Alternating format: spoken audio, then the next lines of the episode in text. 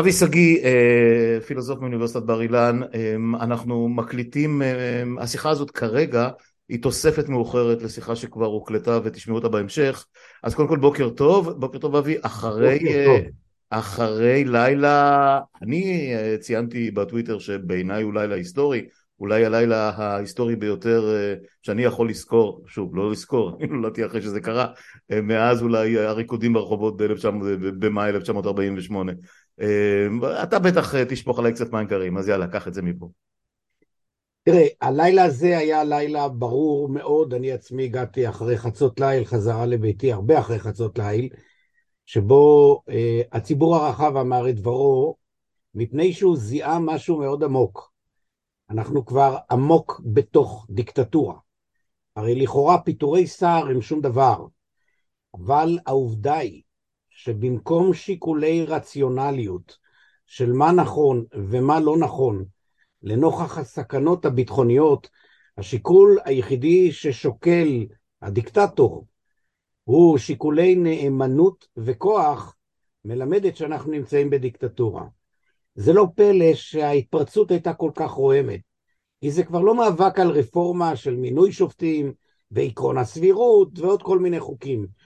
פה עומד שליט שמדינת ישראל מעניינת אותו כמו השלג דאשתקד, ובעצם אומר העיקרון היחידי שמניע אותי, שקובע את הפעילות שלי, זה עקרון הנאמנות ועקרון הכוח. אני בעל הכוח ואתה חייב בנאמנות מוחלטת. ממנו יוצאת הרוח הזאת אל כל נבחרי הציבור שחוזרים על האמירה הנוראית הזאת כל מה שביבי יחליט, נסכים איתו. כן, כן. אה, אה, אני חיכיתי שתגיע לשלב הזה, או לאמירה הזאת בשיחה, כי אה, לאורך כל הלילה נראה היה שה... מה שנקרא, מערכת הדומינו הזאת לא תוכל להחזיק מעמד, שצריך אבן אחת שתפיל את האבן הראשונה ומאותו רגע זה יתחיל להתמוטט. אבל רמת האומץ של חברי הקואליציה, בעיקר של חברי הליכוד, צריך להגיד, אה, היא, היא כל כך עלובה והפחד שם שולט ברמות כאלה שהם אפילו לא הביעו, אף אחד מהם לא הביע שום עמדה ערכית, גם גלנט אגב, שנהיה סוג של גיבור בעל כורחו, אני עדיין זוכר אותו עומד עם המסכה על הפרצוף בפתח המשפט, וגם הוא, רוצה... לא, וגם הוא לא דיבר על החקיקה כי החקיקה כל כך מעניינת אותו, הוא דיבר על, ה, על הסכנות הביטחוניות כי זה התפקיד שלו. אז, אז, הם, אז הם, אנחנו, אנחנו נתמוך בנתניהו אם הוא ימשיך בחקיקה, אנחנו נתמוך בו אם הוא יחליט להפסיק את החקיקה. תשמע, אני חושב ש... מעבר לזה שהלילה הזה היה תקדימי ו- והיסטורי ומרגש, נדמה לי ששתיקת אה, אה, כבשים מהסוג הזה, אפילו בליכוד, אפילו בסטנדרטים שהם אה, הכניסו לפוליטיקה הישראלית, זה עוד לא ראינו. נכון, רק אני אתקן אותך, זה לא פחד, זה משהו הרבה יותר גרוע מזה. מפני שכשאדם מפחד, אז הפחד הוא פעולה מושכלת. אתה יכול לשמוע, לראות אדם מפחד. פה ישנה תופעה הרבה יותר דרמטית. חברי הכנסת הנבחרים הפכו להיות נתינים, אובייקטים, שמתופעלים על ידי ביבי. זאת אומרת, הם ויתרו על האוטונומיה שלהם, הם ויתרו על שיקול הדעת. אתה שומע חברי כנסת שמתבטאים בתקשורת, ואתה עומד בהלם. מה, השאלה היחידה היא אם, אם להיות נאמן לביבי או לא להיות נאמן לביבי? מה פירוש ביבי יחליט? ביבי מחליף את השכל שלך? ביבי מחליף את התבונה שלך? כן. ביבי מחליף את האחריות שלך? האם האנשים הללו כשירים בכלל להיות נציגי ציבור?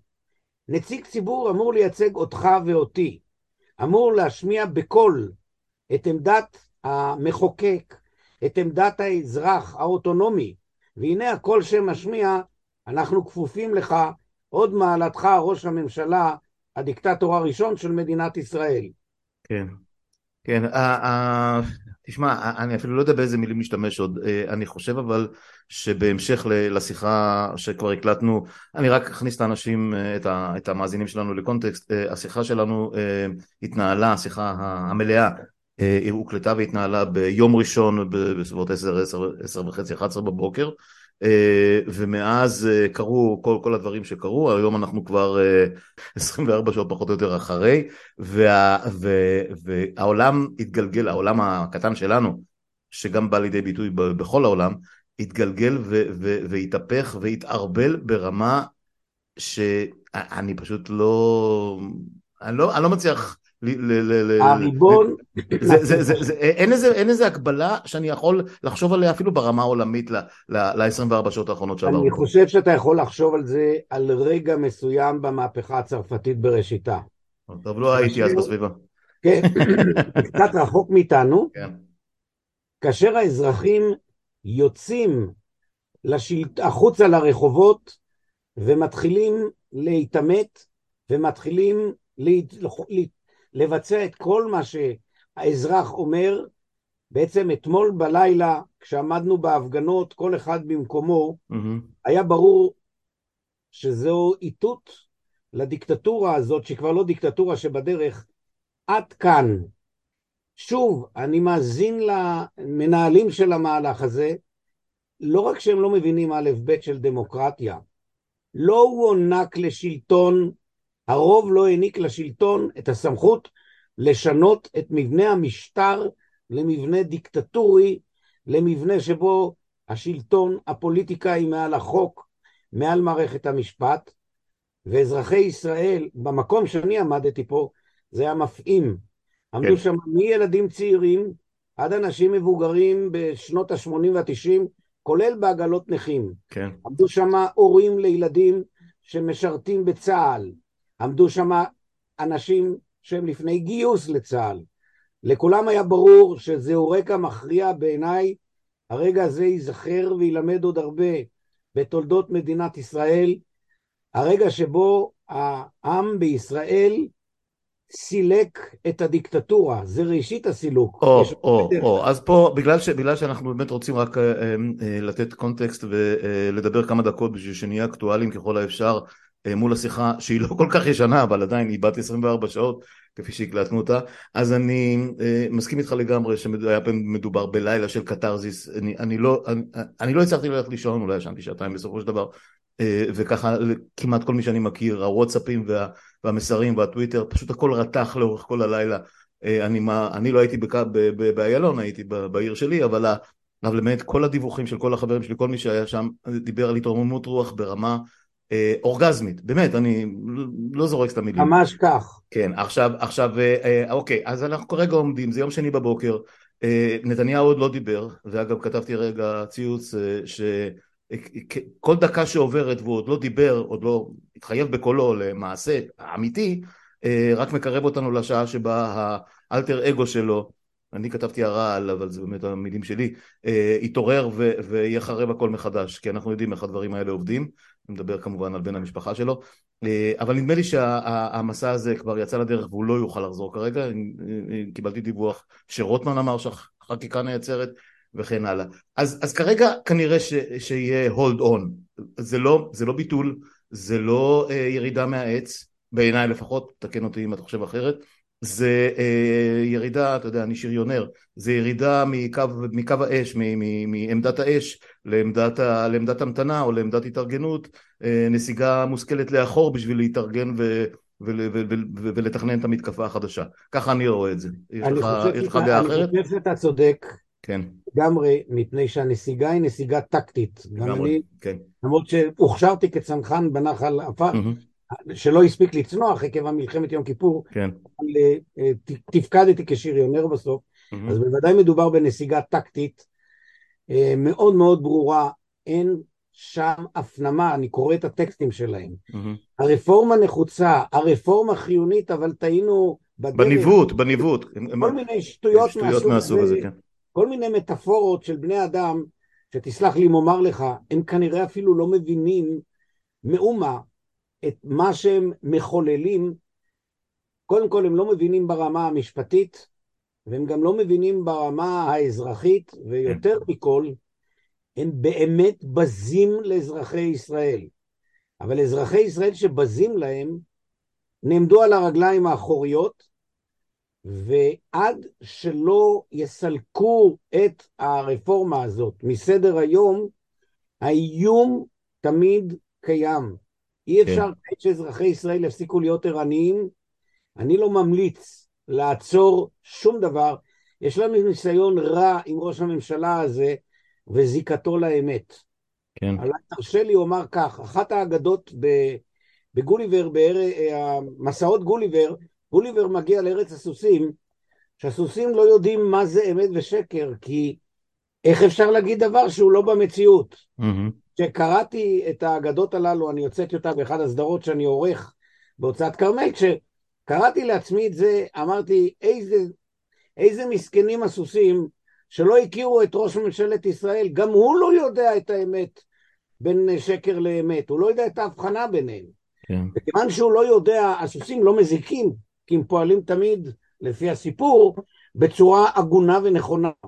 הוא כיוון שהוא לא יודע, הוא מונע על ידי כוחות, שזה לא עניין שאני יכול לנתח מה הכוחות שמניעים אותו, אבל בוודאי אחד הדברים הבולטים בהם זה הרצון לשליטה והרצון לפעול ממניעים של כוח.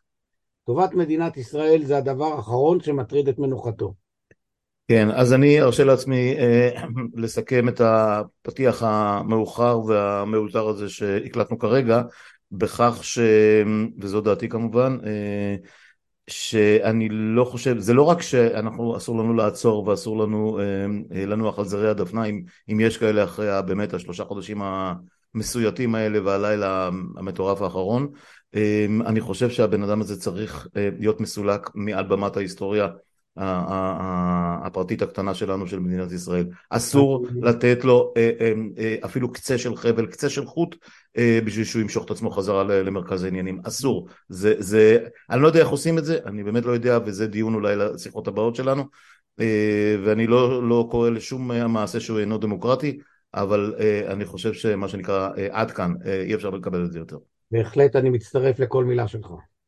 אוקיי, אז, אה, אז תודה על ההיענות אה, המהירה אה, להשלמה הזאת. אנחנו נמשיך לעקוב, אנחנו גם נמשיך להקליט עוד פרקים, ועכשיו אני אאפשר למאזינים המסורים להצטרף לשיחה שהקלטנו אתמול, שהיא כבר מחכה וערוכה ותעלה בקרוב. תודה אבי. תודה לך, ביי ביי, להתראות. להתראות.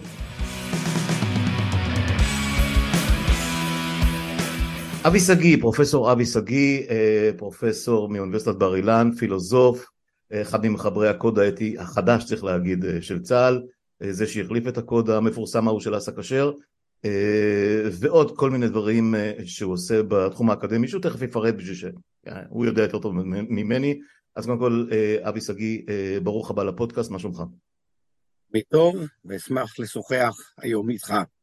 אז זהו, אנחנו אה, דרך ידיד, מכר משותף אה, התחברנו, ואני יכול להגיד שככה, אה, במקרה או לא במקרה, השעה שנקבעה היום והשעה שנקבעו, שקבענו בינינו לשיחה בינינו, נופלים על מאמר שפרסמת לדעתי כבר אמש, או הבוקר עלה לאוויר בבלוגיה של עיתון הארץ, והוא עוסק, הכותרת שלו זה כיצד דמוקרטיה נהפכת לדיקטטורה.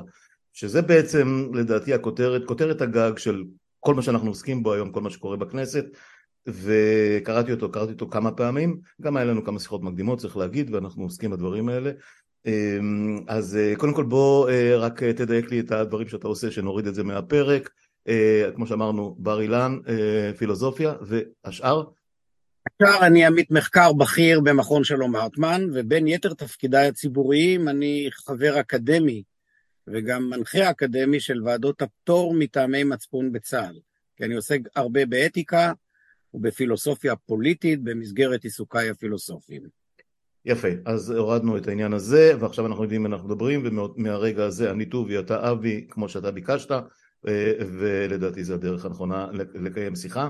אז אני באמת אפתח, אפתח, אפתח בשאלה מהירה, אפרופו המאמר שמודפס פה אה, לפניי, ובאמת קראתי אותו הבוקר כמה פעמים אה, מרגע שראיתי שפרסמת אותו, האם אכן אנחנו בשלב הזה של, אה, של הכאוס, כן, אחרי הנאום של גלנט מאמש, ההצהרה של גלנט והחזרה הסוערת של נתניהו מהביקור המביש, באמת, אני לא מבין בשביל מה הוא עושה את זה לעצמו, בלונדון אחרי שהוא חטף באמת, לא יודע, דליים על הראש גם ברומא וגם בברלין, למה, אבל זה באמת דיון אחר. אמ, האם אנחנו ב final stretch, בישורת האחרונה של הפיכתנו או המזימה שלהם להפוך אותנו מדמוקרטיה לא מושלמת אבל דמוקרטיה לדיקטטורה, איך אתה רואה את זה?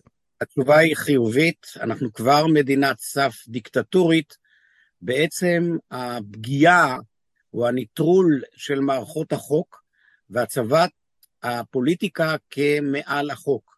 אם תרשה לי ממש בהערה קצרה, אני תמיד, בחלק מעיסוקיי, אני גם עוסק בפילוסופיה גרמנית, קראתי אתמול עוד פעם את חוק ההסמכה של רפובליקת ויימאר משנת 1933, בהם הוענקו סמכויות להיטלר. חס וחלילה, אנחנו לא, אני לא אשווה כאן השוואה מעבר לזה, אלא רק בהתייחס לחוק. זה היה חוק שניתק את הפוליטיקה מהמשפט, שהעמיד את הפוליטיקה מעל המשפט. משה ארנס פרנקל, שהיה שופט באותם ימים, בספרו המדינה הדו-ערכית, הצביע על כך שיש ביורוקרטיה שממשיכה להתנהל, ומעליה המפלגה, הפוליטיקה, וזה קץ הדיקט... הדמוקרטיה, ואנחנו נמצאים רגע לפני הקץ הזה. אז אה, תשובה אה, שהיא אה, כמעט, כמעט אה, מקיפה את הכל בעיניי, ואני, ואני אעיר על זה משהו, שנים מאז אולי נאום התהליכים של יאיר גולן, שהיה מאוד מאוד חלבי, כמה פעמים שפגשתי אותו וגם ראיינתי אותו פה בפודקאסט, אמרתי לו, אתה צדקת במאה אחוז, רק, רק נגעת בעשרה אחוז מהבעיות ומההשוואה הנכונה שצריכה להיות. ואני לא היסטוריון ולא פילוסוף, בוודאי לא ברמה שלך ולא בהיקף הידע, אבל ככל שאני למדתי גם כלימודים פורמליים וגם כאזרח שחי על האדמה הזאת כבר כמה וכמה עשורים, נדמה לי שההשוואה למה שקרה בשקיעת ויימאר, בהפיכת רפובליקת ויימאר לדיקטטורה שנהפכה לפשיסטית ונאציסטית, לא נציונל סוציאליסטית, לאחר מכן היא אולי ההשוואה הכי, שאפשר הכי אה, אה, לחבר בינה לבין מה שקורה אצלנו היום, בניקוי הסיפור של, ה, של ה, השואה והפתרון הסופי ומה שנקרא ועידת ואנזה וכל השאר. זאת אומרת אם לוקחים דמוקרטיה מסוג מסוים ומסתכלים על התהליכים שהפכו אותה לדיקטטורה באמצעות ואחרי בחירות דמוקרטיות אני לא חושב שיש איזשהו תקדים, לא הספרדים, לא האיטלקים, אה, אה, אפילו לא הטורקים שגם הדמוקרטיה אצלם הייתה סוג של דיקטטורה צבאית של אטאטורק, זאת אומרת אה, קשה מאוד למצוא מקבילה אחרת בהיסטוריה המודרנית, תקן אותי אם אני טועה בעניין הזה. אתה לא טועה, ישנם שלושה מדדים עיקריים לדמוקרטיות שנעשות דיקטטורה בתהליך פנימי ואיטי. האחת, ריקון החוק והחוקיות. פשוט נטרולם והפיכת הפוליטיקה מעל החוק והחוקיות, פגיעה בערכי היסוד של החוקיות, של כבוד, מצפון, הוגנות, שוויון וכיוצא בזה. שניים, נטרול המרחב הפוליטי, המרחב הציבורי, שאמור להיות המקום שבו הדמוקרטיה חוגגת, סימונו כמרחב דמוני והפיכתו באמצעות מהלך אלים למרחב שאמור להשתלט עליו בכוח ולנטרל את הכוחות הפועלים בתוכו, והמימד השלישי הוא המימד הלשוני. יצור שפה דיקטטורית שמתחזה לשפה דמוקרטית, שהמושג המרכזי שלה הוא רצון העם, כל העם, כשבעצם מי שמממש את רצון העם ואת כל העם זה תמיד השליט הפוליטי, וזה הרגע שהדיקטטורה פשוט מתה. כן, זה יחזיר אותנו עוד מעט למה אה, שנקרא לראשי הפרקים ששלחת לי במייל לפני השיחה בינינו וגם עליהם עברתי אה, אה, הכי, הכי יסודי שיכולתי, הובס ורוסו וכן הלאה, אבל את כל זה נשאיר לשיחה המלאה שאליה נגיע עוד רגע, אז כמו, כמו שלא אמרנו עד עכשיו, אתם בפודקאסט שלי על הדרך, שיחות עם דובי פולק, האורח שלי היום, אה, אורח מכובד ונכבד, פרופסור אבי שגיא מאוניברסיטת בר אילן, אה, ואיתו אה, ננסה אולי על קצה המזלג, זה לא, יהיה, זה לא תהיה אוניברסיטה משודרת חלילה, אני לא רוצה להתעלות באילנות גבוהים מדי, אבל כן נדבר על העקרונות, נדבר על העקרונות ועל הפירוש של העקרונות האלה ושל הלקחים ההיסטוריים. אז זהו, נשמע את קטע הפתיחה של סיילנט רגרשן ונחזור לשיחה עם אבי שגיא. עוד רגע.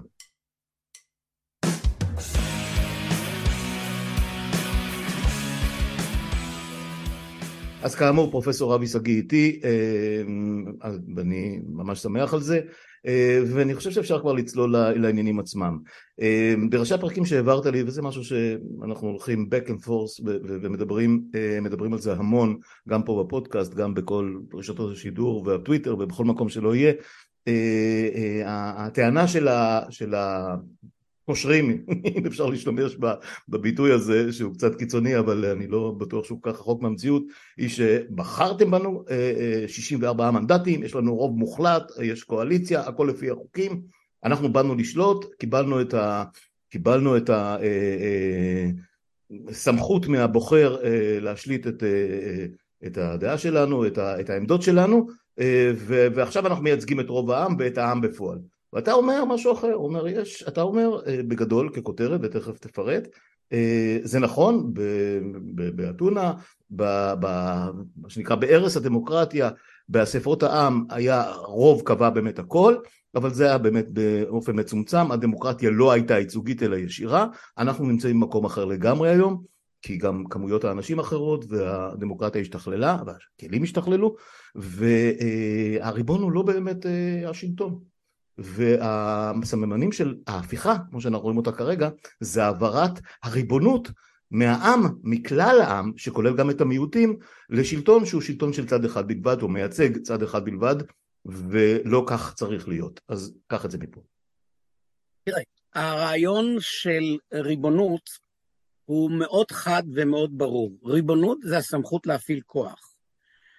אזרחי המדינה מעבירים לשלטון סמכות להפעלת כוח, בין אם כוח צבאי, בין אם כוח חקיקתי, ושאר המנגנונים שמאפשרים לנו לחיות. השאלה, מה בדיוק קורה בתהליך הזה של העברת הסמכות? ראשית, צריך לומר, כשאזרחים מקנים לשלטון את הזכות לשלוט, הם לא מתפרקים מריבונותם. האזרח, כל אזרח, אתה ואני, הם הריבונים. כשאנחנו אומרים שכל אזרח, הכוונה היא גם אותם אלה שלא בחרו בצד של השלטון. שלטון הוא שלטון של כל אזרחי המדינה ועבור כל אזרחי המדינה. מותר לשלטון לכוון מדיניות, לשם כך הוא נבחר. למשל, אם השלטון רוצה אה, מדינה סוציאליסטית יותר, או מדינה קפיטליסטית יותר, על זה יש ויכוחים. על דבר אחד אין ויכוח, על העיקרון המקנה תוקף וכוח לשלטון. אין שלטון שיכול להחליף את העם הממשי הריאלי.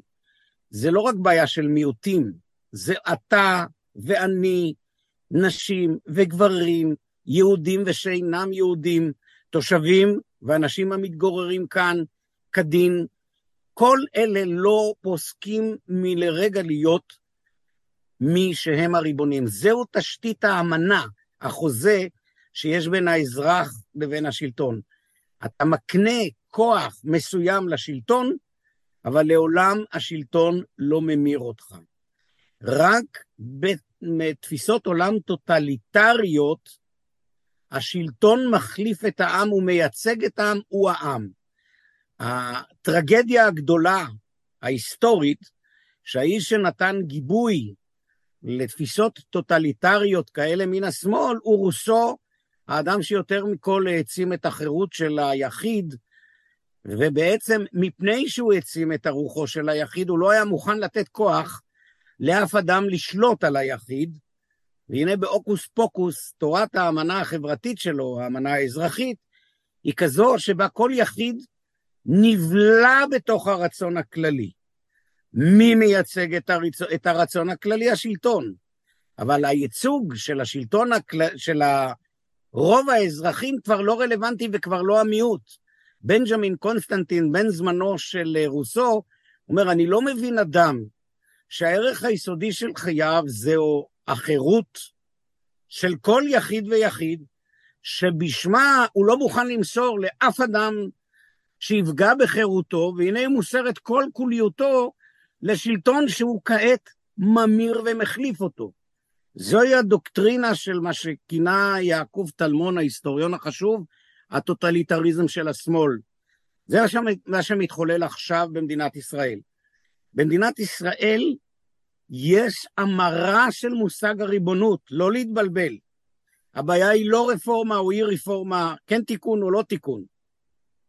מדינת ישראל דחתה את משהו לבנת היסוד בכל שיטת משטר דמוקרטית ליברלית, שלפיה תפקידו של השלטון לאזן בין האינטרסים של כל האזרחים, למקסם את האפשרויות שלהם להיות, לחיות, לממש את עצמם כרצונם. במקום זה, היא קיבלה בלשונה, זו השפה שהיא משתמשת בה, קיבלנו מנדט מהעם. קיבלתם מנדט מהעם לשלוט, לא קיבלתם מנדט מהעם להמיר את העם. כן. אה, אני, אני מדי פעם אנסה קצת אה, לכוון לדברים שעולים תוך כדי אה, ההרצאה המאוד מאוד מרתקת שלך ואני אגיד דבר אחד שצץ לי פתאום זה הביטוי שלטון מול שליט כי נדמה לי שיש פה טרנספורמציה או ניסיון בוטה, אלים, להעביר את ה...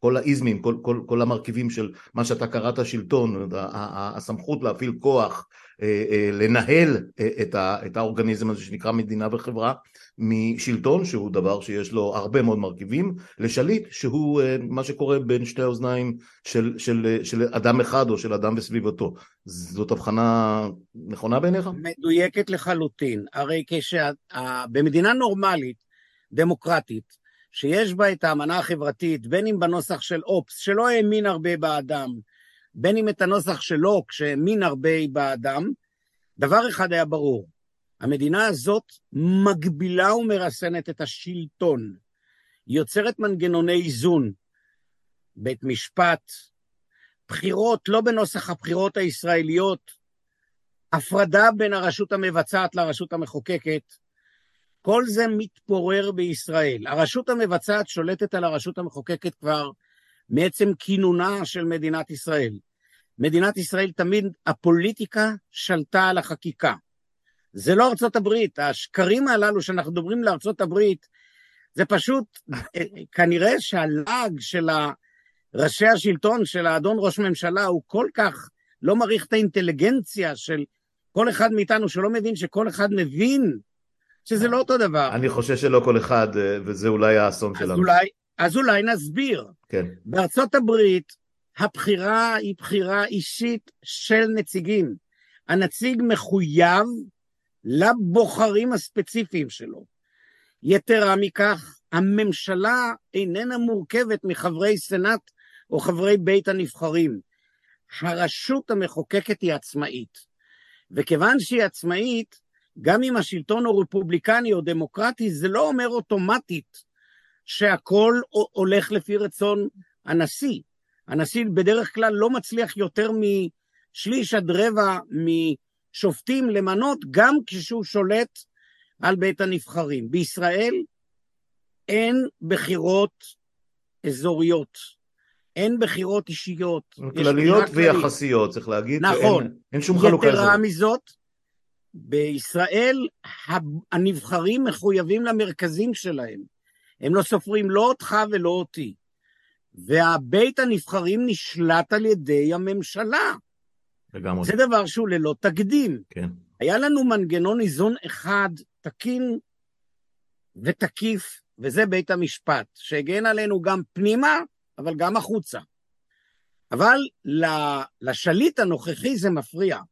הוא רוצה לחולל את ההפיכה שממסגרתה הפוליטיקה תגבור על בית הנבחרים, על הכנסת, ולכן כל הדיונים בכנסת נראים היום כמו איזה פארסה, כמו איזה תיאטרון דה לה שמטה, שאין לזה, אין לי מילה אחרת יותר טובה, ובמקביל פוגע במערכת המשפט, ושיא השיאים הבוז העמוק לאזרחים. הרי כל שלטון נאור היה מבין שיש דגל שחור כבר. אם אתה היית, אתה ואני, אם היינו משרתים בצה"ל, ואני מדבר עכשיו על הכובע שלי, כן. כאדם שכתב, את, כאחד מכותבי מסמך רוח צה"ל, היו, היינו מקבלים פקודה בלתי חוקית בעליל, והיינו מצ... מפ... אה, פועלים על פיה, היינו נשפטים. כן. מפני שאדם נושא ערכים מוסריים וחוקיים היום. כן. אפרופו כפר קאסם, ואפשר אולי להשליך את זה נכון, למה שקורה בחווארה. בחווארה נכון, אבל מקומות. זה לא צריך להשליך את זה רק על חווארה, חווארה כן. זה אחד התוצאות הלוואי. כן, כן, ברור. אדם נתבע לא לאבד אף פעם את המוסריות שלו, את, האח... את האחריות שלו. ג'ון אל, אחד מהגיבורים הדנים במלחמת העולם השנייה, ודנמרק היא דמוקרטיה שניצחה, אה, הסתובב הרבה לפני הפרויקט של הצלת היהודים באוניברסיטאות ובכל המקומות והזהיר בהאי לישנא.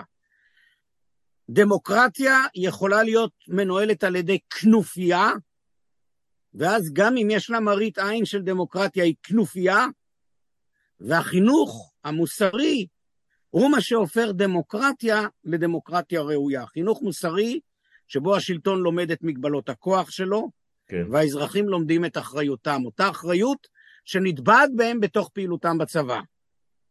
כן, אמ, עוד משהו שצץ ועולה בימים אלה אה, וזורק אותי חזרה ללימודי ההיסטוריה המאוד בסיסיים, אה, אה, אפרופו ההתפרקות או ההשתלטות על רפובליקת ויימאר בכל אותם אמצעים. זה אה, אחרי שמה אה, שנקרא השתלטו באמצעות, באמצעים דמוקרטיים, ניצחו בבחירות, קיבלו לכאורה את הכוח של, שמשמעותו ריבונות, משמעותו השלטת כוח, אה, מאותו רגע התחילו לשנות את חוקי המשחק. ובמידה רבה מאוד זה מה שקורה כרגע. זאת אומרת, הממשלה הנוכחית נבחרה בבחירות אני רוצה להאמין הוגנות. אה, תמיד אפשר אה, לחפש כל מיני אה, שקרים ורמאויות, אבל אני מניח שזה מאזן את עצמו לאורך כל שנות הבחירות שאנחנו מכירים.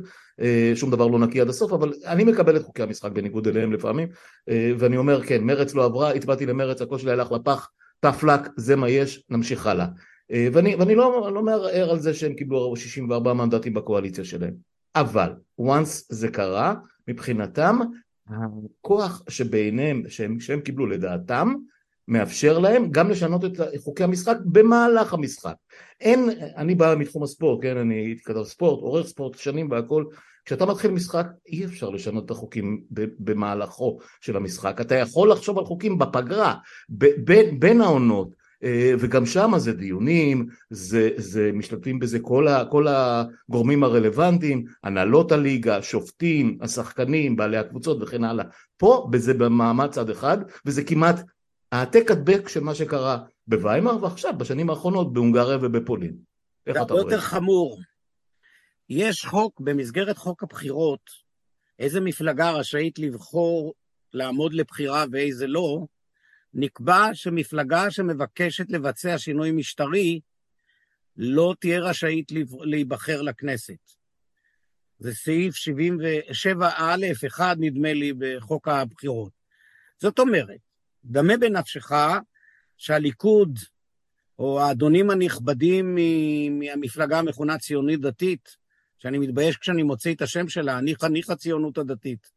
סבי היה... אתה, אתה, אתה, אתה, אתה גדלת באותן ערוגות, אתה חובש כיפה סרוגה אני גדלתי באותן ערוגות, הייתי קומונר בבני עקיבא. לא, לא כולם מכירים אותנו, לא מכירים כן, אותך. לא משנה, אבל הכיפה מתנוססת על ראשי. לא, לא, זה בסדר גמור. אוקיי. אבל אין שום בעיה. כן. אני רק רוצה לומר, אם האדונים הנכבדים הללו היו מציגים במצע של הבחירות שלהם את שינוי שיטת המשטר, הם לא היו עוברים את הנדרש כדי לעמוד לבחירה.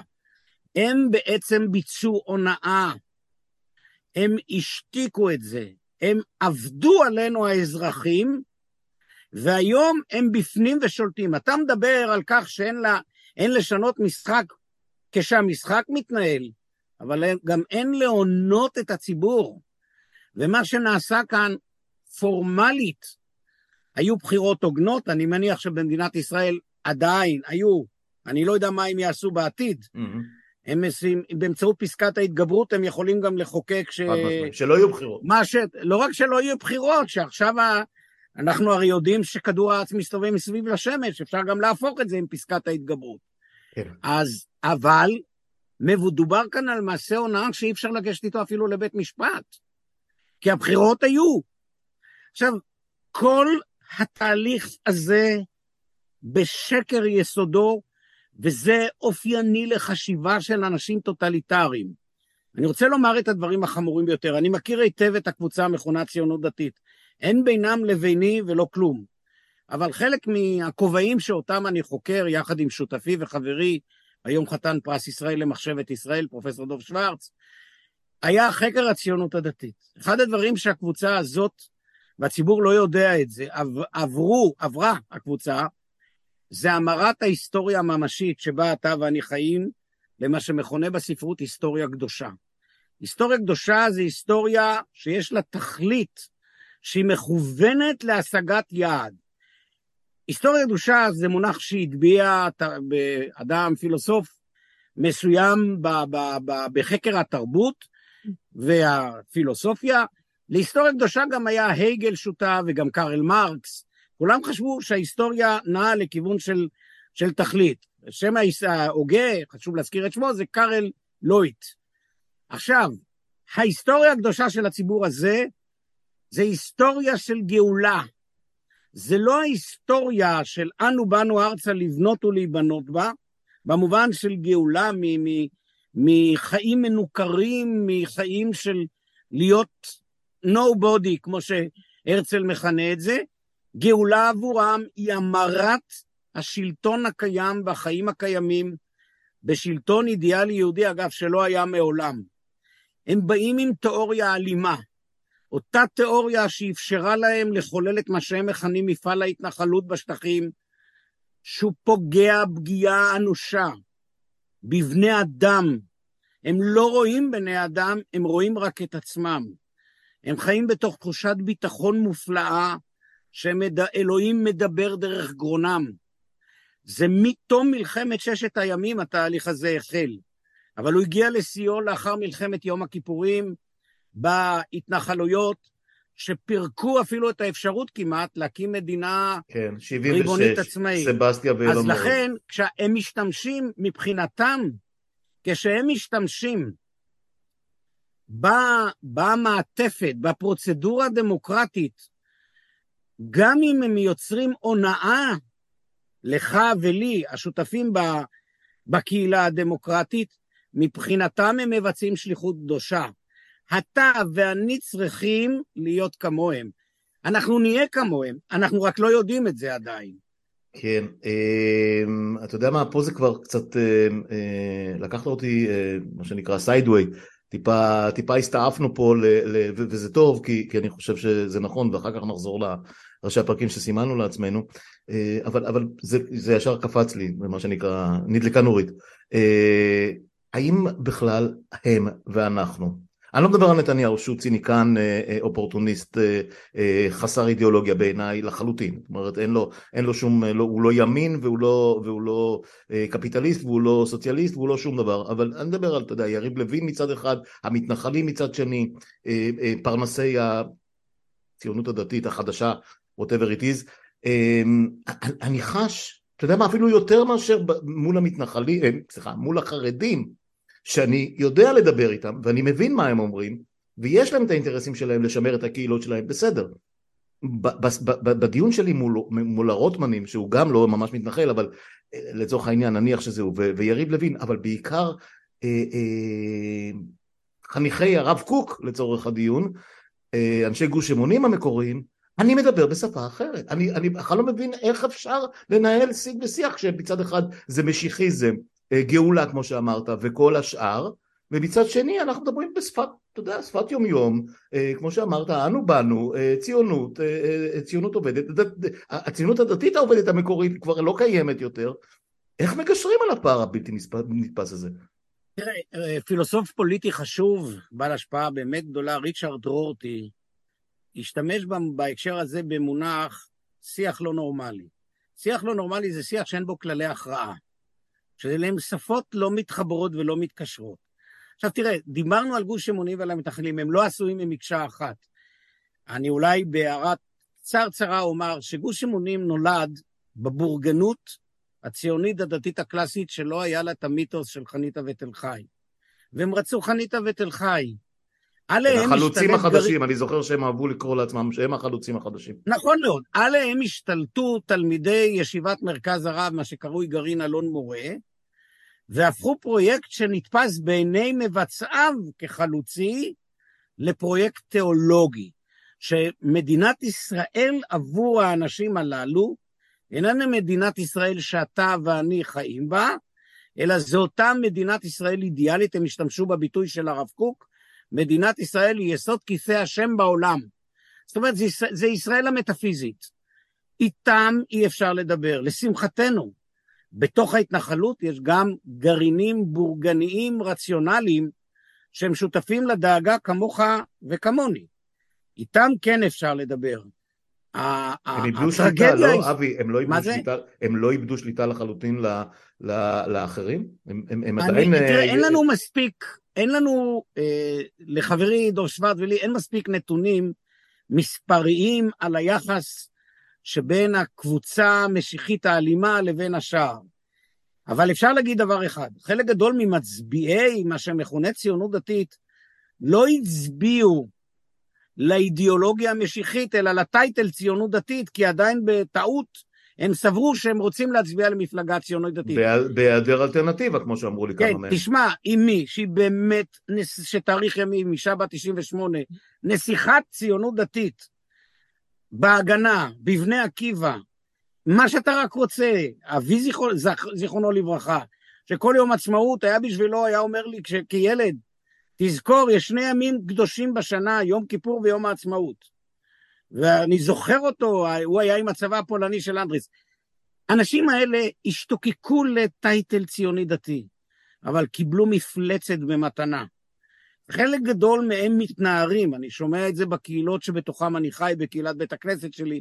אני לא יודע להגיד לך מספרים, אבל מה שקרה בקונסטלציה הספציפית הזאת, בצדק זיהית, החרדים בעצם תפריד בין ההנהגה הפוליטית שלהם לבין הקבוצה, לבין הקהילות החרדיות. הקהילות החרדיות עוברות תהליך די מעניין של ישראליזציה.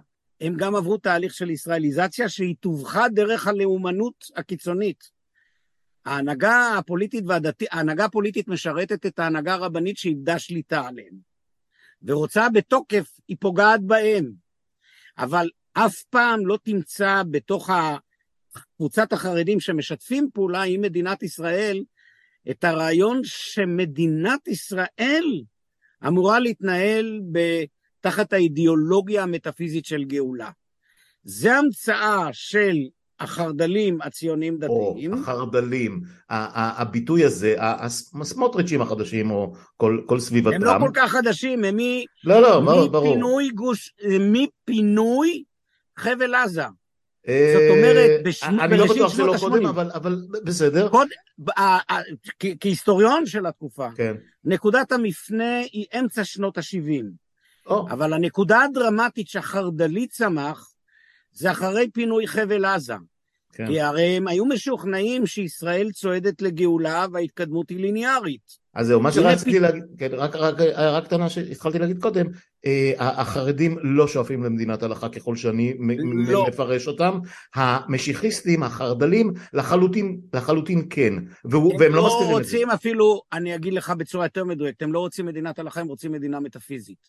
הרי אין בהלכה היהודית, ואני מדבר כעת על כובע אחר שלי, כחוקר הלכה, וכאדם שכתב עשרות ספרים בתחום ומאות מאמרים, אין בהלכה פרוגרמה למדינה, לתיאוקרטיה. המונח תיאוקרטיה, שלטון האל, זו המצאה של פילון ואחר כך של ספינוזה. אין צורת ארגון של מדינה כזאת.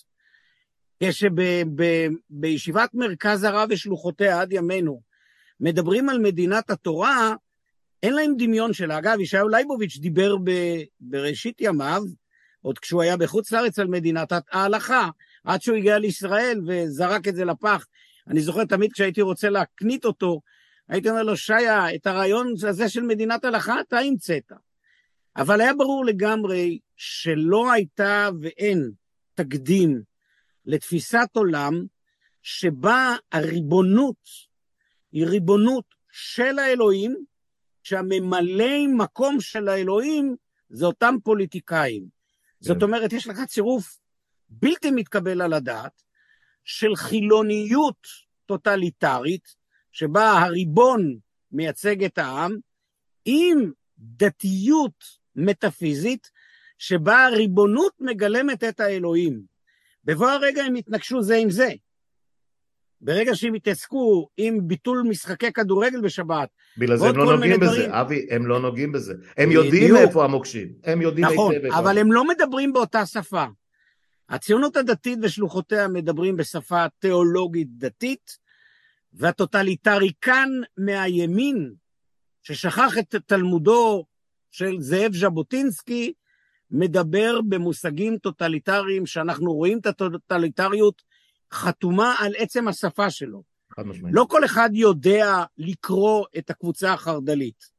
אתה צריך לקרוא את הטקסטים שלהם, להבין את אי האמון העמוק שלהם. אין בעם הריאלי, תזכור, עם כשמדברים עליו זה רק יהודים, זה חס וחלילה לא ערבים. אזרחי מדינת ישראל הערבים הם שקופים מבחינתם. לגמרי. מה זה שקופים? הם, הם לא יהיו פה, הם, הם, הם, הם יתנדפו מפה. לא, לא בהכרח, הם ימצאו כל מיני הקלות הלכתיות למה את חלקם להשאיר. אה, תודה. כפוף לתנאים. זה יפה. אבל, כן, כן, זה בדיוק מה שיקרה, אתה קורא את הטקסטים שלהם. כן. יש פה יצירה היררכית. עכשיו, כל הקבוצות הללו, מה שמלכד אותם, זה שלילת המדינה הדמוקרטית הליברלית. זאת אומרת, אם אדם הוא אדם דתי, אבל הוא לא אורתודוקס, הוא לא שייך לשום זרם, אבל הוא רוצה לחיות כאדם דתי, מנקודת מבטם זה פסול. יש דגם אחד של חיים יהודיים. אני אתן, אדגים לך את זה כדי, כדי שתבין עד כמה העניין נוגע לקיום שלך ושלי. במדינת ישראל יש הליך של גיור. יש מוסדות שהמחוקק ובית המשפט נתנו אפשרות לבתי דין שונים לגייר גיורים, בין אם הם רפורמים, קונסרבטיביים, עם כל מיני כללים. דווקא בית המשפט השאיר למשרד הפנים, לפקיד הרישום של משרד הפנים, לבצע את המהלך הבא. אדם גמר הליך גיור, לכאורה הוא כמוך וכמוני יהודים. על פי ההלכה, יהודי שהתגייר הוא יהודי, זה לא משנה איך הוא יתנהג. רשאי פקיד משרד הפנים לבדוק את כנות מניעי המתגייר לצורך מתן אזרחות. אתה מבין? לבדוק בציציותיו, ש... כן. כן, אבל זה, זה, זה רשות מדינית ממשלתית רשאית להיכנס לנשמתו של האדם, היא פוגעת בפרוצדורה ההלכתית אפילו, כי מדינת ישראל נהפכת להיות מדינה טוטליטרית, שבה הרצון האישי של בני אדם הוא לא הגורם המכריע, אלא הרצון הפנימי שלו. זה 1984 של ג'ורג' אורוול. חד משמעית. אנחנו יכולים לחדור פנימה, יושבת לה פקידה או פקיד במשרד הפנים, ויאמרו לגברת או לגבר, אדוני, אתה אמנם התגיירת, אבל אתה לא מספיק יהודי מבחינת המניעים שלך כדי שתהיה אזרח במדינת ישראל. כל אלה סימפטומים ברורים של צעידה איטית לקראת דיקטטורה, כי לדיקטטור מותר למה, את מה שאסור לאדם במדינה דמוקרטית ליברלית. להיכנס למרחב החיים של האדם, להיכנס לתוך נשמת האדם, לספר לו מי הוא ומה הוא צריך להיות.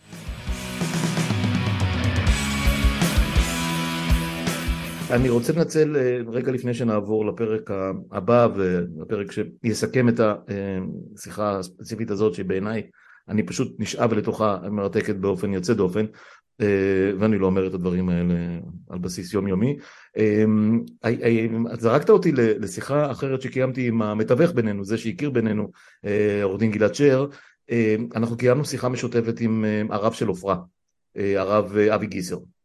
וכל הדברים שאתה מדבר עכשיו, שהחלפנו בינינו אה, בדקות האחרונות לגבי השפות השונות, לגבי צמיחת גוש אמונים ואחר כך שלוחותיו אה, הציונות הדתית החדשה הזאת, אה, המטאפיזית כמו שאתה אומר, כן מדינת הלכה, לא מדינת הלכה, כל, כל סממני הסמוטריצ'יזם ודומיו, וניסינו לאתגר אותו בדרך כזאת או אחרת אתה יודע, במה עבר על דור המייסדים, שהוא בוודאי נמנה עליו, הוא קצת יותר צעיר, אבל בגילי פחות או יותר.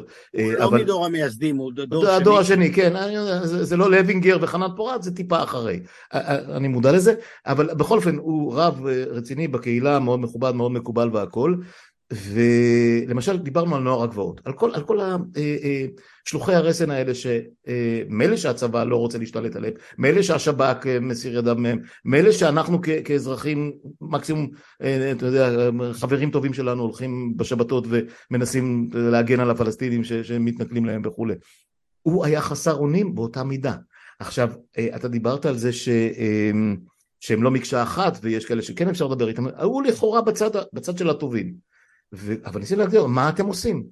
אנחנו לא יכולים לעשות, פחות או יותר במילים שלי, אני לא זוכר את המילים המדויקות שלו, אמ, איבדנו שליטה, שוב, לא בדיוק המילים שלו, זה דור אחר, ואז דיברנו קצת על הכיבוש והכל, הוא אמר, אה, זה כבר יישאר לדורות הבאים. וזה בעיניי היה אה, אה, סוג של התנערות ו, ו, וזריקת אחריות, או השאלת האחריות ממנו ומהדור שלו, לדור, לדור שיבוא מתישהו הבא, אחרי הבא, איפשהו באחרית הימים, שברור לגמרי שהוא הולך להקצנות מטורפות הרבה הרבה יותר. וכאן אני פשוט לא יכול לסלוח להם. אני לא יכול לסלוח להם, אגב כמו שאני לא יכול לסלוח לאנשים בצד שלי, לצורך העניין נניח פרס, רבין, אלון, גלילי, אה, גולדה וכולי, שלא זיהו את הסכנה הזאת, וגם כשזיהו אותה, פחדו לגעת בה. אמ, אה, אה, זה מתחבר לדברים שאתה מכיר מה... בהחלט מתחבר. אחד ההבדלים הדרמטיים בין אדם שחי בתפיסת עולם דמוקרטית ליברלית קשורה להתייצבות האישית שלו בחיי החברה.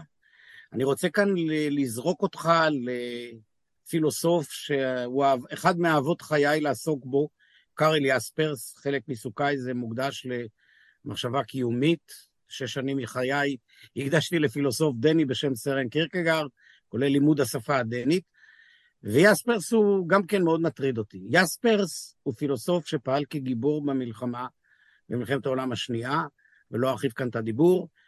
קונרד אדנאור קורא לו אחרי המלחמה לשוחח עם הדור הצעיר. והוא כתב, והשיחות הללו תומללו ויצאו בספר על שאלת האשמה הגרמנית, תתורגם גם לעברית. לא אכנס לפירוט, אני רוצה לומר משהו על אותה אשמה שהוא מכנה אותה אשמה קיומית. אשמה קיומית פירושו של דבר שאתה אחראי לכל ציר ההיסטוריה של מה שהתחולל בעבר והתחולל בעתיד. אדם צריך להתייצב ולקבוע עמדה. הוא לא יכול לגלגל מעליו את האחריות. אני לא מכיר את אבי גיסר אישית, את אשתו כן, היא הייתה חניכה שלי בסניף בני עקיבא בבת ים. אנשים ראויים, אבל העיוורון, אני משתמש כאן במונחים של סרמגו בספרו על העיוורון, העיוורון של אי הראייה הוא עיוורון שגורם להם לא לשאול את השאלה הנכונה, לא איך לטפל בזה, אלא למה זה התחולל. וזה התחולל מפני שאנשים שחוללו את מבצע ההתנחלות לא רואים, הם לא ראו את הפלסטיני. אני שמעתי מאחד המתנחלים אומר לי, מה אני, הם פה מפריעים לי, אני רואה אותם מבעד לחלון שלי. אמרתי לו, הם מפריעים לך? מי בא למי, אתה אליהם או הם אליך? אנשים שמטפחים מידה של אטימות כלפי הזולת, משהו בעולמם הפנימי נקרע ונסדק. אגב, חכמינו זיכרונם הכירו את העניין הזה שנטיות הנפש זה לא מתגים חשמליים כשאמרו כל הגונב מגוי סופו גונב מישראל. זה לא נגמר. אלימות שמופעלת במקום אחד, כשאני עושה אלימות, אני נסע לאדם אלים. מה פירוש לשיר לדורות הבאים? איך אדם יכול לחמוק מאחריות שלפיה כל העולם כולו, כל החברה כולה, מוטלת על עצמי. אגב, אני לא יודע איך רב בישראל יכול להתבטא כך, כי במקורותינו נאמר שכל אדם חייב לראות את עצמו כאחראי לכל העולם, של מה שאתה עושה ולא עושה. גם במדינה דמוקרטית, אדם, כל אדם, ללא הבדל דת, גזע, מין, לאום, שהוא אזרח במדינת ישראל, ששותף לקהילה האנושית, אחראי. אלה ששתקו בזמן שהנאצים טבחו ביהודים, אחראים. האחריות הזאת באה לידי ביטוי, טוען קארל יאסרס, בכך שהם כעת אשמים בקיומם. הם בעלי חוב. כל מי שפגע, פוגע, בפלסטינאים, מעבר לקו הירוק, בתוך הקו הירוק, הם אותם אלה שפוגעים בלהט"בים, הם אותם אלה שפוגעים בפליטים. יש קו רצף קבוע בין אנשים שליבם נאטם לבני אדם, לכך שיום אחד הם קמים ומכריזים על שלטון שבו אף אדם לא מעניין אותם, כולל העולם שבחוץ. אלה אנשים שמאיימים על קיומנו הרבה מעבר לשיטת המשטר שלנו. הם הופכים אותנו לשותפים ברוע אם אנחנו שותקים. כן, כתבתי, כתבתי שאני יכול להסתדר עם אלה שקוראים בגלוי להזיק לי או לפגוע בי, ועם כאלה שכמובן בצד שלי, קשה לי מאוד עם המתייפייפים. אפרופו מודעה שפורסמה על רבע עמוד בעיתון הארץ ביום אה, שישי האחרון, כן. פשוט רתחתי על זה. אה, קבוצה של אנשים מצוינים, ציונות דתית קלאסית, אנשים מתונים, אה, באמת, בתוך הקו הירוק אפילו לא רוצים, אולי הם אפילו רופאים למען זכויות אדם, רבנים למען זכויות אדם, ווטאבר, בוא נעשה הפוגה, נמשיך אחר כך. לא, לא, הפוגה עכשיו דיקטטורה בעוד שבוע, זה לא עובד. אני, אני משתגע מהצורת מחשבה הזאת. בוא אני אומר לך את הדברים בצורה הקשה והבוטה ביותר. אין מקום לדיאלוג בין טוב לרע. לא מתווכחים, לא, לא דנים, לא דנים עם התליין על אורך החבל. בדיוק. כן. התליין והנתלה לא מנהלים ביניהם שיחה. זה עולמות אחרים. אני לא אוהב את ההתייצבות הזאת. אני חושב שמי שמתייצב בימין באמצע, לא מתייצב באמת מבחינה קיומית. על מה בדיוק נחכה לדבר? בדיוק. על כמה יפגעו בדמוקרטיה הליברלית? על כמה יפגעו במשטר? תראה, קח את הנאום האחרון של ביבי ביום חמישי. אני רוצה לומר לך, אני לא משפטן, אני פילוסוף, עוסק הרבה בפילוסופיה של משפט ובחקר החברה.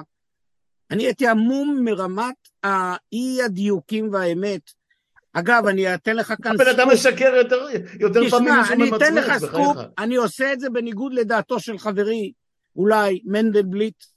אתה זוכר שכשמנדלבליט התראיין, אז הוא טען שמנדלבליט עיכב את החיסונים. עכשיו אני רוצה ששומעך ושומענו ידעו את האמת. כשהאדונים הנכבדים גנץ וביבי רבו על מי יהיה שר המשפטים, שר הביטחון צריך היה לחתום על אה, יבוא החיסונים, זה כנראה תקנות ונוהל. ולא נחתמו, וזה היה באמצע ימי הקורונה, זה היה ערב יום הזיכרון, ואני מרים טלפון לאביחי מנדלבליט, שהוא איש אמיץ מאוד, ואני אומר לו, אביחי, זה לא מתקבל על הדעת, שני האדונים האלה רבים, ומדינת ישראל פה, לא ידענו אז מה זה החיסונים, כן, כן. בעשר בלילה, אני חושב, הוא מתקשר אליי ואומר, אבי, נמצא פתרון משפטי, אני מוסמך לחתום, אפרופו יועץ משפטי, תירגע, החיסונים כבר בדרך. אומר האדון ביבי, מנדלבליט עיכב את החיסונים, אני באותו ערב אה, התקשרתי אליו. בג"ץ מנע את הוצאת הגז מהקרקע, בג"ץ כן. מנע את מתווה הפליטים כאשר הוא קיבל, את, הוא קיבל את מתווה הפליטים, והבן שלו חירפן כן. אותו ארבע שעות, הוא חזר בו. אגב, מה שהיה, זה בדיוק מה שהיה ביום חמישי האחרון עם גלנט. נכון. זאת אומרת, מה שאתה עומד כאן, הוא מיל תופעה שיש בשפה, בחקר השיח, מונח שמילה, מקורא, מכנים אותו סימולקרה. מילים שמדברות על מילים, אבל אין להם שום משמעות. שום משמעות. זאת אומרת, יש פה מנגנון של ייצור לשוני.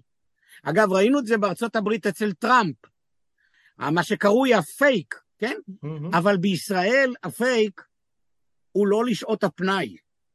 הפייק כן. הופך את קיומנו לפייק. לחלוטין. במובן הנורא ביותר. כן. כשאנשים יושבים היום בבתיהם, במנוחה, זה חלק מההישגים העצומים של מדינת ישראל, הנורמלית. זאת שעוד מעט נתגעגע אליה. הנה טוב פה, אנשים חיים, מרוויחים, אבל כל זה עומד להתרסק. Mm-hmm. מפני שכששיטת המשטר תשנה, היא לא תשתנה לפולין ולהונגריה, מסיבה מאוד פשוטה. עם ישראל הורגל לחירות. אתה יודע שהעם היהודי... או, אגב, זאת הסיבה שאנחנו חצי מיליון איש כמעט כל שבת ברחוב. כן, אבל זה הרבה יותר דרמטי מזה. היה לי חבר פילוסוף מאוד מאוד חשוב, שמוכר בעולם הפילוסופי, הנרי מורגנבסר. הוא לא כתב הרבה, אבל כולם הכירו אותו. הוא דיבר על הלוגיקה היהודית. הלוגיקה היהודית, הוא אמר, יש לה כלל ברזל, If A, why not B? זאת אומרת, יהודי בעברית, אם א', למה לא ב'? השאלה, הביקורת, האיפכא מסתברא הוא חלק מהגניוס ההיסטורי היהודי, שלא מוכן לכופף את הראש כך בנקל, במסורת היהודית אפילו לא כלפי אלוהים. טוב, והנה אתה באים יודע, האדונים. אפשר ללכת לאינקוויז- לאינקוויזיציה, עד, עד, כדי, עד כמה זה היה אה, אה, קריטי בהוויה היהודית.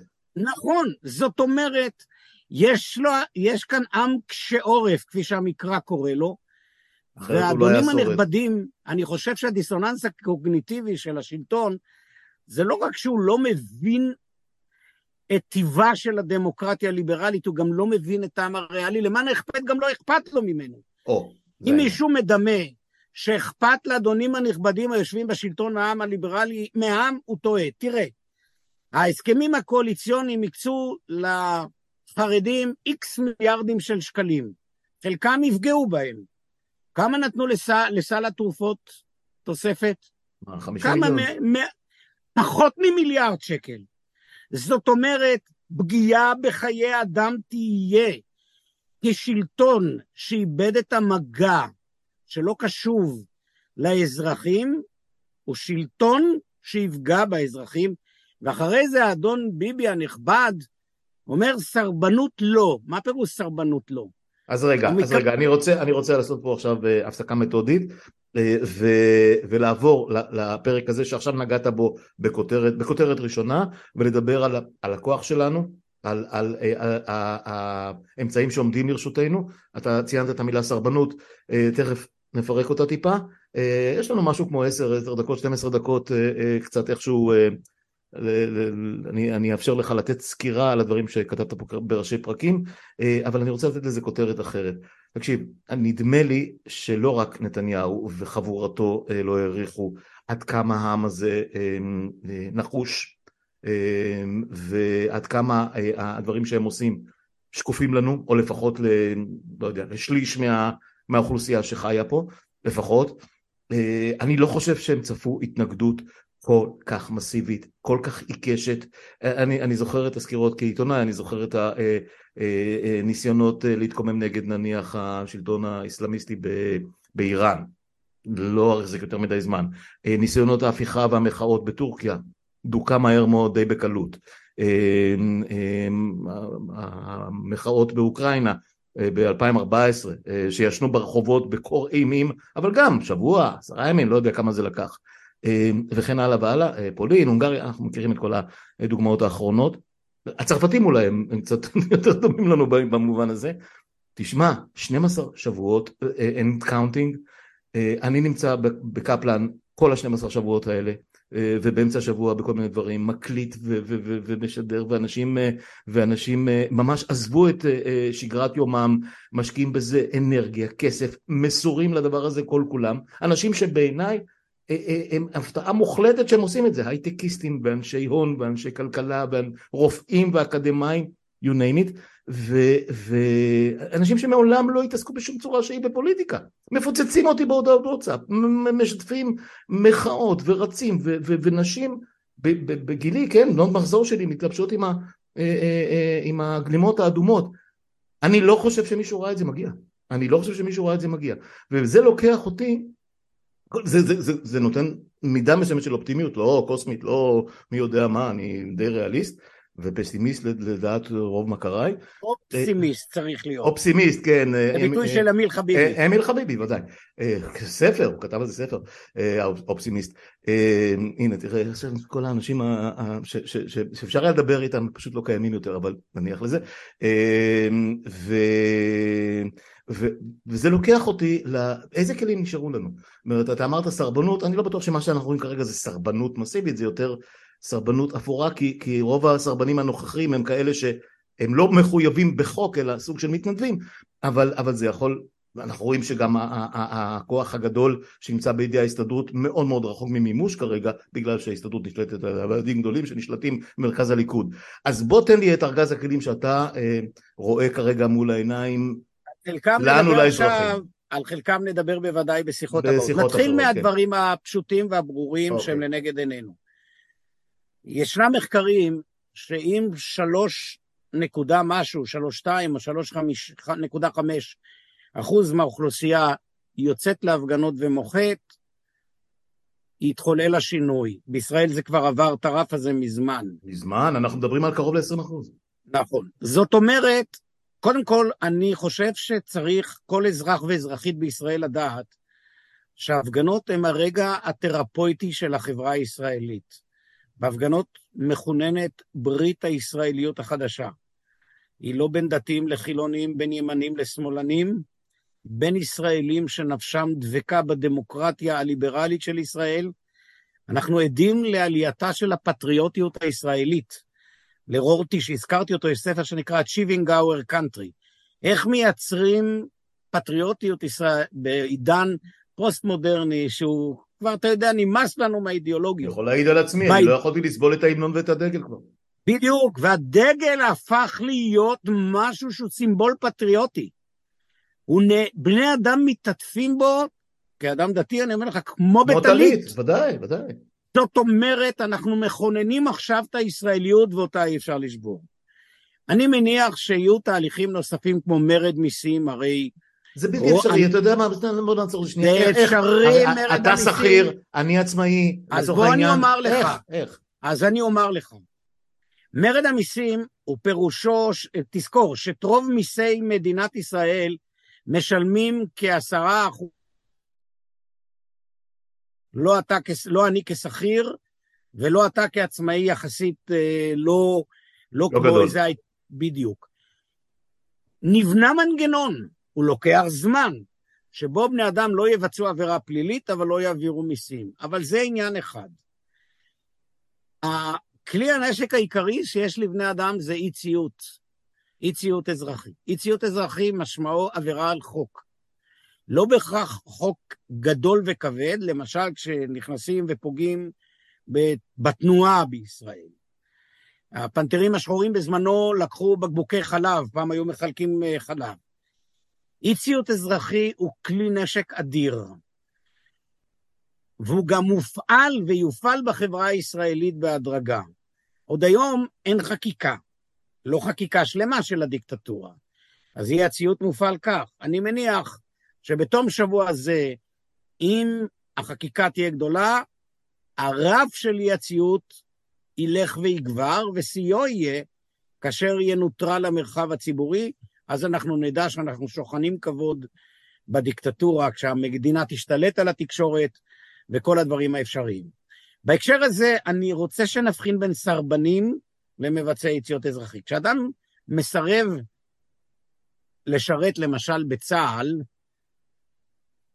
בדרך כלל הסירוב מגיע לוועדות הפטור מטעמי מצפון. אם זה עניין אישי, הוא מבקש מהמדינה שתגן עליו, שתגן על עולמו. כשאדם עושה את זה מנימוקים של אי ציות אזרחי, הוא לא מבקש מהמדינה שתגן עליה.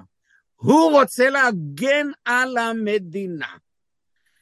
לא רחוק היום שגם אנשים שאינם מתנדבים, שהם או מלש"בים, או משרתים בפועל, או מילואימניקים, יעמדו מול השאלה האם חלה עליהם חובת ציות למדינה דיקטטורית. הרי לא עולה על הדעת, ושוב, מבלי ליצור אנלוגיות, אני לא חושב, ושאסור לטעות בדבריי שנגיע לגרמניה הנאצית, חס וחלילה, אבל לו יצויר שהיה אדם נתבע להתפרק ממכלול הרחב, האזרחיים, המוסריים, האם נכון לצ... לציית לקיומה של מדינה כזאת? ברור שאז נעמוד מול הדילמה, אז מה עושים? הרי אנחנו לא חיים במדינה שהשלום שורר בה. מהו הרגע שאנחנו מוכנים לשרת כדי שמדינת ההכרעה בישראל לא תתפרק, מבלי לתת גיבוי בכך למדינת ישראל. זוהי שאלה סבוכה, נצטרך לדון בה. אבל יש לנו כלים, והכלי החשוב ביותר שיש לנו, שאי אפשר לקחת אותנו, זה אמירת לא. סארד במחזה הנפלא שלו, בדלתיים סגורות, מצביע על כך שאפשר לקחת מאסירים את הכל, אבל לי אפשר לקחת מהם את הכוח לומר לא.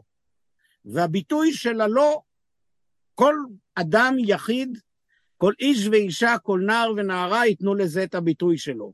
מהילדים בגן הילדים ועד הזקנים המבוגרים. הלא הזה הולך ורועם יותר ויותר. אי אפשר להחמיץ אותו. אי אפשר להחמיץ את מה שקורה בבתי ספר, בתנועות נוער, אפילו בתנועות נוער משני הקצוות, בשומר הצעיר ובבני עקיבא. השיחה מתגברת, ואם השליטים היושבים בשלטון מנותקים, אני מתפלל שיהיה רגע או שעיניהם תיפקחנה, כי אם לא, יש חשש עמוק שהם בסוף יודרו מההיסטוריה, ייזכרו לדיראון עולם בזיכרון היהודי, שכידוע לך הוא זיכרון ארוך שנים. כן. וזה עסק רציני מאוד. אני חושב שיש לנו את הזכות, טוביה, לך ולי, לשמוח בחברה הישראלית שבתוכה אנחנו חיים. חברה שעומדת על נפשה, שנלחמת על קיומה. יותר ויותר אנשים מצטרפים. חסרים לי עדיין ערביי ישראל. הם אזרחים כמוך וכמוני, הם לא מספיק. אני היום רואה את... קיימתי על זה שיחה, שיחה די ארוכה עם, אה, עם אנשים שהם הם, הם, הם, הם, הם בדילמה קיומית כמעט בסיפור הזה, זה לא פשוט בכלל. נכון. אני מניח שצריך לאפשר להם למחות בלי תחת דגל ישראל. ובלי... לא, זה לא רק הדגל, זה לא רק הדגל, הם, הם, הם בגדול אומרים, אה, זה הדייסה שאתם בישלתם, זה ב... אה, נדמה לי שנורמן איסה, בהארץ, ממש לפני כמה כן. ימים, התראיין ואמר, היהודים רבים, תנו להם לריב. כן, אבל מי שישלם את המחיר זה יהיה הם. אה, הם יודעים את זה, הם יודעים את זה, הם כבר... ולכן אני בטוח שתהיה התנערות שם, אני מנהל לא, לא, זה יגיע, זה יגיע, זה לוקח את הזמן שלו. לכן, אני חושב שב... אני, אני מלא אמון ותקווה, אני רואה את האנשים. או זהו, אתה כבר מגיע לסיכום בלי שביקשתי, אז בוא, בוא, בוא ננסה קצת, אתה יודע, מה התסריט שלך. לעתיד הבינוני, לא, עזוב את הרחוק עכשיו. בעתיד הבינוני, אני מניח שהממשלה הזאת כבר נכנסת במה שקרוי בתוך הקוראלס. בקוראלס, כן. השור שנכנס כבר בתוך... היא לא תפסיק לרגע כי היא לא קשובה, לא מעניין אותך, לא מעניין אותה כלום, היא איבדה מגע. מה שיעמוד כאן לה לרועץ זה החברה הישראלית שתעצים את צעדיה. הנה, השבוע אנחנו מתחילים את שבוע השיתוק הלאומי. כן. אני מניח שהארגונים הכלכליים יצטרפו, הם חתומים. אני מניח שגם ההסתדרות תצטרף, שמערכות החינוך יצטרפו, והנה הם יגלו רגע אחד בבוקר שאין להם גייסות. כבר עכשיו. כבר היום רואים את כבר זה. כבר עכשיו. תשמע, הסיפור, הסיפור של צה"ל, אה, וזה לא רק הטייסים, אני, אני בקשר עם אנשים שמחוברים לא. היטב, אה, באמת, ל, ל, גם כאלה שהם מהצד של המשרת ואלה שמהצד של המסקר ו, וחברים שאני מכיר משני הצדדים, חברים אישיים, אמ, השבר הוא עצום, עצום, פשוט בלתי נסבל. אגב, אם אני הייתי היום, אני לא רוצה לדבר בשמך, אבל אם אני הייתי היום כמו שעשיתי ב-20 ומשהו שנות מילואים, אה, לא הייתי צריך לסרב ממש. הסרבנות האפורה, אפרופו לבנון, ואפרופו השירות בשטחים, נכון. אה, בקלות כל אחד מאיתנו יכול היה להפסיק לשרת את השירות המבצעי הזה. מה, מדינת ישראל, אם אתה שואל אותי, מסמך רוח צה"ל שניסחנו, האם היינו יכולים תחת השלטון הזה לנסח? התשובה היא שלילית. Mm-hmm. לא בכדי הרמטכ"ל הרצי הלוי פתח במחויבות שלו למסמך רוח צה"ל, כי זה החוזה שבין כן, הצבא... רק שהוא נפל בלשונו, אולי, אולי די מספיק מוקדם בשביל לתקן. כן, בסדר. לא, תשמע, כולנו לפעמים טועים כן, כן. ומדברים שטויות. כן. עובדה היא בפועל, יהיה רגע שכל גורמי השלטון הללו, המוסד, השב"כ, המשטרה, צה"ל, יצטרכו לשאול את עצמם למי הם מצייתים. אה, לממלכה או למלך, נו, נדבר... לא, לא, לא ממלכה ומלך, אני לא אוהב את הביטויים הללו. אוקיי. לשלטון או לחוקיות, שתיוצג על ידי בג"ץ, ואם הממשלה הזאת תסתום את הפה לבג"ץ, כל אחד מאיתנו יודע מהם עקרונות החוקיות, אנחנו מספיק אינטליגנטים. אני רוצה לתת לציבור נחמה. כן. אני אתמול עמדתי כמו תמיד בהפגנה בעירי פתח תקווה, שהיא הולכת וגואה. וחיכיתי להפגנת הנגד. אז בפתח תקווה לא- אין אלימות, כי בכל זאת חיים שם אנשים מעוגנים, שלא אלימות. מול אלפי בני אדם, שזה היה מחמיר לב ומשמח לראות. עמדו שם כמה ארבעים איש וצעקו את הצעקות שלהם, והנה לך יחס הכוחות בין המוחים. אגב, זה נכון בכל הארץ, חוץ מאשר באור עקיבא, שהם פשוט באו אה, בשביל... אה, אגב, חברים שלי, שאנחנו מפגינים כל שבוע בקפלן, וגם נפגשנו כמה פעמים פיזית, אה, נסעו לשם ונעמדו כחומה, כחומה בצורה להגן על אנשים שיכולים להגן על עצמם. זה מה שהשלטון, דיברנו על זה. סולידריות. כן, זה מה שהשלטון רוצה, אלימות. כן. לצערי, יש שכבות בישראל שמכל מיני סיבות וטעמים הם פריפריאליים, הם נהנו מטוב הארץ, אבל סוחבים טינות וטראומות. אבל אתה יודע שזהות טראומות מחוללת זהות טראומטית, וזהות טראומטית לפעמים מובילה לאלימות. זה באמת נושא לדיונים, אה, אה, אני אפילו עסקתי בזה בלימודי מדע המדינה שלי לפני יותר מ-40 שנה, אה, ואתה יודע, זה נדמה היה שאנחנו אז, בתחילת שנות ה-80, נמצאים בשלהי התקופה ההיא, אחרי 77. רחוק מאוד. ונדמה לי שמאז זה רק התעצם. לא, אני אדע שהתגברנו. כשאני אראה הפגנות של אזרחים שמודעים לזכויותיהם האזרחיות, בערים ועיירות שמוגדרים. אז יש כן. כבר, יש באר שבע ויש אשדוד ויש נתניה נכון, זאת הרבה. אומרת, אתה רואה את ההתעוררות האזרחית, כן. היא איטית. אתה יודע, יש ביטוי של חז"ל, כך היא גאולתם של ישראל, כמו עלות השחר, קימה קימה. Mm-hmm. כך החברה הישראלית תיגאל לא לגאולה מטאפיזית, כן. אלא מהנורא מכל שפתאום בלב חיינו קפץ עלינו. לא פעם אני זוכר דמויות שליוו אותי, דמויות מיתיות מהישראליות של פעם, ואני אומר, חסד עשה איתם האלוהים שהם לא חיים איתנו, אה. כדי לראות לאיזה חורבן האדונים הנכבדים כולנו, הללו לכולנו בג, אותנו. בגילנו, כן, בגילנו יש לנו הרבה כאלה, אה, אה, גם מקבילים נכון. וגם כמובן דור ההורים. ו... הם לא יסולח להם על זה לא. שהם גורמים לנו ללילות נידודי שינה. לא, אתה יודע מה? זה שאנחנו קמים במועקה. אבי, אני, אני אומר לך, אני מתעורר לשירותים לפעמים באמצע הלילה, לא מצליח לחזור לישון. זה לא, עכשיו, זה, זה כשהם מספרים לנו, גם אנחנו עברנו טראומה בפינוי... כן, כן. פינוי, כן. תראה, לא נניח שהם צודקים, אני לא נכנס איתם לדיון. כל כך מרגיז אותי. אבל קודם כל, גם אם עברת טראומה, זה לא נכון שתפעל כדי לגרום טראומה לצד השני. ב', יש הבדל דרמטי. שם זו הייתה שאלה של מדיניות ממשלה, זה לא שטחים ריבוניים של המדינה. האם בגלל מדיניות ממשלה שלא מוצא חן בעיניך אתה הולך לשנות את המשטר החוקי? הופך מדינה דמוקרטית ליברלית לדיקטטורה. עזוב, עזוב, מי, מי קיבל את ההחלטה על הפינוי הזה? אגב, מי קיבל את ההחלטה על כל פינויי השטחים נכון, ממלחמת ששת הימים ועד היום? רק הימין. רק הימין. בהיפוך היסטורי. אבל אתה... מדהים, אתה שוכח... השמאל, השמאל כבש והימין פינה, תמיד, תמיד, תמיד. כן, אבל אתה שוכח רק דבר אחד, טוביה, שהימין שאתה מדבר עליו, שפינה, לא זה הימין הז'בוטינסקאי. אני, יודע. את ז'בוטינסקי היום, הם היו קוראים לו בוגד. הם עושים את זה, הם עושים את זה, ראית איך הם רדפו אחרי בני בגין ואחרי דן מרידור נכון. ואחרי לימור לבנת. ודאי. כל הנסיכים. בסדר, כן. תקשיב, אמ, אמ, זה באמת היה כמעט אוניברסיטה משודרת, אבל אה, אוניברסיטה לעם. אה, אני אוהב את, ה, אני אוהב את ההנגשה הזאת, כמו שעשו אה, בפילהרמונית בג'ינס. פתאום אנשים באו לשמוע קונצרטים, שזה פנטסטי בעיניי, ואני מקווה שהאכסניה שלי תהיה מספיק, איך נקרא לזה, מספיק נרחבת ומספיק, תגיע למספיק אנשים בשביל שישמעו את זה, כי זה אחת הרציחות היותר חשובות שקיימתי בזמן האחרון. אני רוצה לסיים.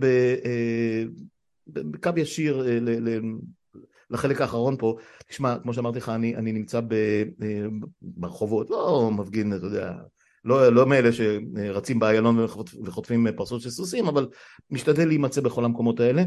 אמ, זה, זה, זה זוקף את גבי ברמה שאני לא האמנתי שתיתכן, ואני חי על פני האדמה, אני נולדתי פה בארץ, אני, אני אה, אתה יודע, בשנות החמישים אנחנו, ו, ו, ולא היה דבר כזה, פשוט לא היה דבר כזה, אה, אה, התקוממות כזאת ותחושת אה, ביחד כזאת, לא זוכר דבר כזה מעולם, מעולם לגמרי.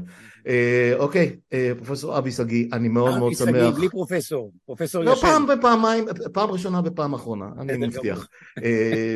אז אני רק אגיד שלי קוראים טובי ולא טוביה, אם כבר אנחנו מדברים על זה. זה אגב בתעודת הלידה, אני אומר את זה לכל מי שתוהה. ככה קראו לי כשנולדתי. וזה באמת היה מרתק, זאת שיחה ראשונה בסדרה כפי שסיכמנו בינינו, אני כן, חושב שנגענו בדברים הכי, אה, נגענו, נגענו, עוד לא ממש, אה, אתה יודע, פיצחנו בדברים הכי אה, כואבים של הימים האלה. אני רק אומר שאנחנו מקליטים את השיחה הזאת, למי שישמע אותה, הרי אתה יודע, פודקאסטים שומעים כל אחד בזמנו, ביום ראשון בשעות הבוקר כאשר מתנהל קרקס, זאת אומרת כמה שעות אחרי ההודעה של גלנט ואחרי הנחיתה של נתניהו, ואנחנו לא יודעים מה הולך להיות, האם הוא יפוטר, שר הביטחון, האם מישהו אחר ימונו תחתיו, האם באמת החקיקה תיעצר, אני די מפקפק, כמו שזה נראה כרגע, כמו שאמרת, הם בקור אליס, הם דוהרים עם הראש לקיר במאה קמ"ש, הקיר, אני מקווה שהוא אנחנו ולא הראש שלנו שם, זה, זה עוד נראה. אז כל מה שאמרנו כאן הוא, הוא תיאורטי, כי אנחנו לא יודעים איך, ה, איך השבוע הזה הולך להתנהל ואיך השבועות והחודשים הקרובים יתבררו, אבל בשביל זה אנחנו ניפגש פעמים נוספות. אז תודה בינתיים, ושיהיה חג שמח, אתה יודע. גם לך, ביי ביי. להתראות, ביי ביי.